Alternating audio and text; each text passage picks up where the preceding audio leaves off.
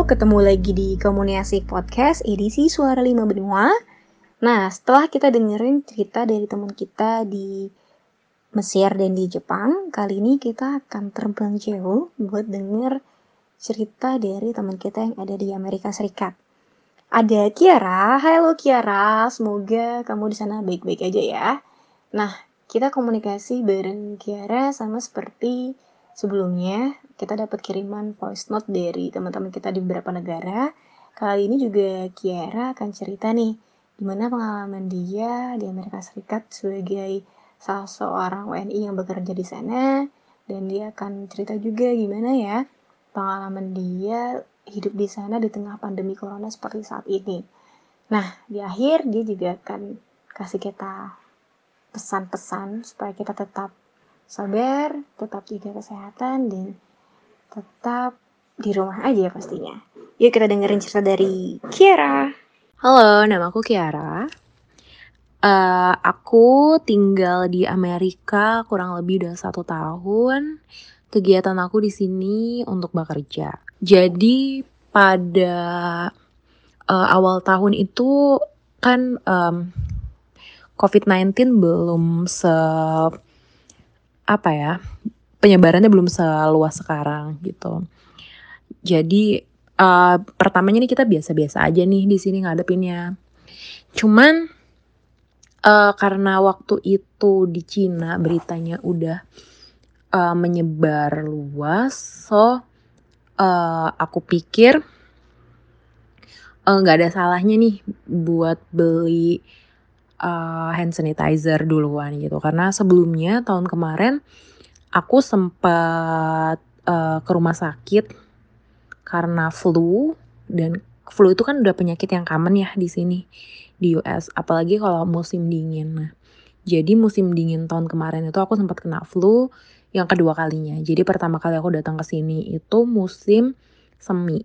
Nah di uh, musim semi itu aku juga sempat kena flu, cuman aku uh, cepat sembuh. Jadi bedanya mus uh, flu di musim dingin sama flu di Indonesia itu ternyata beda banget.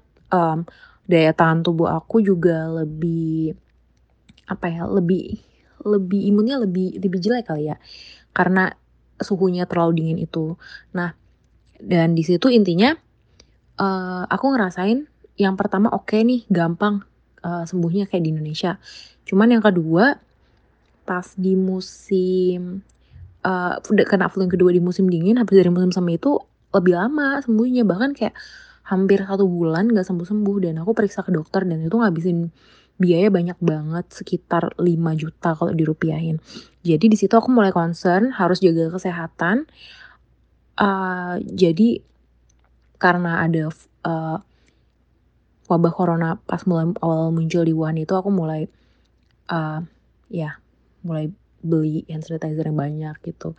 Dan sebelumnya juga uh, keluargaku yang dokter bilang bahwa oh ya karena aku kena flu waktu musim dingin tuh ya kalau bisa uh, beli masker aja gitu. Jadi aku udah alhamdulillahnya udah uh, nyetok masker.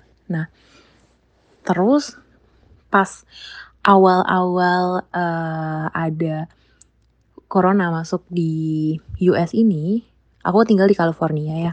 Itu dulu awalnya ada dua orang, dua orang emang dia, dia dari Cina dan dia, dia travel dari Wuhan. Dan tuh kedetek dan ada dua orang yang kena. Itu kita masih biasa aja nih.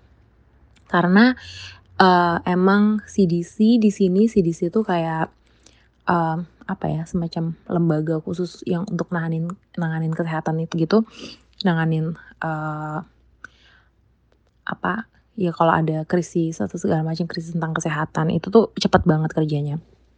Jadi kita nggak begitu takut. Nah kita percaya bahwa CDC bisa nanganin ini dengan cepat. Jadi awal kita nggak ambil pusing sama keadaan uh, corona itu. Nah kemudian saat kasusnya mulai uh, mulai banyak gitu. Iya dan kita juga udah mulai disuruh work from home. Uh, yang aku rasain sih di sini yang pertama pemerintahnya uh, mengambil kebijakannya cukup cepat karena uh, dia ya langsung uh, apa ya karena di sini kan bentuknya state gitu dan masing masing-masing state tuh bisa ngambil kebijakan sendiri-sendiri nggak harus nunggu dari presiden jadi bisa cepat ngambil kebijakannya gitu duluan udah nggak lockdown segala macem. Dan uh, bener-bener effortnya itu kelihatan gitu pemerintah buat nanganin kasus ini. Dan lagi um, di sini kan ada beberapa case yang besar yang harus ditanganin pemerintahnya itu dia kelihatan banget gercepnya gitu. Uh, pemerintahnya aku aku yang aku ikutin uh, wali kotanya sendiri udah hampir tiap hari tiap sore tiap jam 5 gitu ngadain live di Instagramnya bahas tentang kasus ini gitu. Dan ngasih penyuluhan-penyuluhan harus begini dan harus begitu. Dan uh, syukurnya juga di sini masyarakatnya patuh. Jadi ya aku sih ngerasa apa ya ya memang uh, orang yang kena yang kena uh, corona ini banyak di sini. Cuma lebih ngerasa aman aja sih gitu. Ngerasa aman karena penanganannya juga cukup cepat ya. Dan rapid yang disediain juga makin hari makin bagus. Pokoknya nggak um, menunda-nunda atau nggak birokrasinya juga nggak bertele-tele gitu dan menurut aku kenapa di US ini jumlah case-nya paling banyak di dunia karena jumlah tesnya juga banyak ma uh, masif juga dilakuin. Uh, kalau semakin banyak dilakuin tes gitu kan semakin semakin banyak kita tahu mana-mana um, aja yang terinfeksi itu kita semakin apa ya semakin tenang lah kalau menurut aku karena itu menunjukkan bahwa pemerintah serius dalam menangani kasus ini gitu. Kemudian uh, jadi jadi untuk orang-orang yang emang terinfeksi kita kita tahu misalnya ada uh, tangga kita yang meninggal karena corona kita tahu gimana cara uh, mengurus jenazahnya gitu jadi nggak perlu uh, virusnya menyebar ke tangga-tangganya kayak gitu. Nah, kemudian uh, emang apa ya masyarakatnya di sini juga uh, lumayan tertib ya, lumayan bisa diatur gitu. Kalau pemerintah bilang kasih himbauan A, maka mereka relatif cepat uh, relatif dengerin lah. Kayak misalnya himbauan tentang pemakaian masker gitu. Uh, aku sendiri kalau setiap kali keluar uh, di jalan-jalan semua orang udah pakai masker. Jadi nggak apa ya ya sebagian besar ham kalau atau semuanya lah bisa dikatakan itu tuh mengikuti anjuran pemerintah kayak gitu. Nah kalau menjalani hidupnya sendiri di sini sih ya biasa-biasa aja sih ya sebenarnya cuman uh, ya kita emang lebih banyak di rumah lebih kerja juga dari rumah um, dari aplikasi uh, online segala macam. Dan uh, karena ditemuin baru-baru ini juga ditemuin bahwa uh, virus ini bisa menyebar mungkin uh, sorry sekarang karena udah di lockdown dan udah di um, udah banyak yang di rumah dan menyebarnya sekarang lewat uh, orang-orang yang ber berbelanja di luar. Nah, kalau yang berbelanja di luar itu uh, caranya tuh pemerintah kasih himbauan Bu dengan cara oh lebih baik belanja online kayak gitu. Nah, ini udah udah mulai orang-orang uh, juga teratur sih udah udah mulai uh, belanja lewat online. Bukan udah mulai ya, emang dari awal. Dan juga uh, masyarakatnya apa ya misalnya disuruh antri bener-bener antri gitu bener-bener oh ini uh, social distancing nih satu meter satu meter. Itu bener-bener uh, ngantri di luar panjang satu meter satu meter kayak gitu. Cuma uh, ya emang kalau di sini itu karena mungkin panik ya masyarakat lebih panik daripada di Indonesia gitu. Jadi mereka tuh panik buying. Kalau uh, yang paling cepat habis di sini tuh tisu terus produk-produk kebersihan itu cepat banget habisnya. Gitu. Cuman uh, pemerintahnya sendiri sih udah meyakinkan bahwa kalau pasokan makanan segala macam itu nggak nggak bakal habis gitu. Mereka bakal menjamin itu gitu. Terus uh, oh iya uh, setiap malam sih kalau yang aku dengar dari apartemenku ada aja. Maksudnya nggak setiap malam sih ya setiap hari lah ya suara-suara bunyi ambulan gitu udah mulai banyak ya ya serem sih cuma ya aku bawa positive thinking aja bahwa um, dengan banyaknya ambulan berarti pemerintah sedang bekerja di luar sana kayak gitu. Karena kan kita emang harus menjaga pikiran kita agar tetap positif biar imun kita juga bagus. Gitu. Terus hmm, paling aku sekarang uh, ini sih di rumah ya selain nyetok makanan juga kadang-kadang kan beli uh, order gitu ya karena toko-toko di sini udah pada tutup dan hanya melayani untuk uh, to go. Itu maksudnya delivery.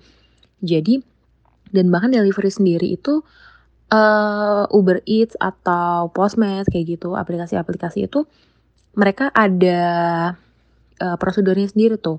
Jadi nggak apa nggak dengan nggak berinteraksi langsung dengan orangnya yang pesan gitu lah hanya menaruh di depan pintu seperti itu tuh udah oke okay sih dan juga uh, untuk orang-orang yang uh, mengantarkan makanan juga diberi dijamin gitu kesehatannya sama si aplikasinya ini.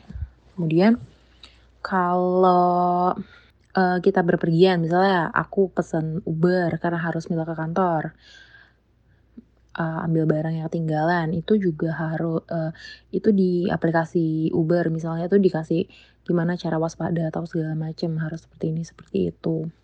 Kayak gitu. Kemudian oh iya soal restoran tutup ini yang aku salutnya bener-bener apa ya jadi tuh waktu itu siang pemerintah uh, setempat baru mengeluarkan himbauan buat masyarakatnya buat uh, tutup kafe, bar, resto dan tuh langsung dong, langsung bener-bener nggak ada satupun yang nggak menuruti itu sih yang buat yang buat salut karena uh, mereka tuh udah sadar hukum gitu yang enaknya di sini kayak gitu. Uh, kemudian kalau apa pesan buat teman-teman di Indonesia supaya tetap sabar dan semangat. Pesannya sih kalau dari aku ikuti uh, anjuran pemerintah ya. Karena kalau kita mengikuti anjuran pemerintah, kita bakal apa ya tenang sendiri gitu. Jadi jangan jangan apa, jangan uh, ignoran lah. Kalau misalnya pemerintah bilang di rumah aja ya, ya di rumah aja, turutin aja gitu. Karena dengan kita uh, mengabaikan, kita pikir oh ini cuman flu biasa atau gimana, itu bakal kasusnya bakal uh, itu bakal dampaknya buruk buat diri kita sendiri gitu. Terus, hmm, oh iya di sini juga pemerintah Indonesia-nya bekerja uh, bekerja dengan baik sih. Jadi uh, aku ngerasain sendiri bahwa di tengah-tengah wabah yang seperti ini uh, mereka juga sebisa mungkin memberikan pelayanan terbaik kepada uh, kami masyarakat Indonesia yang tinggal di luar.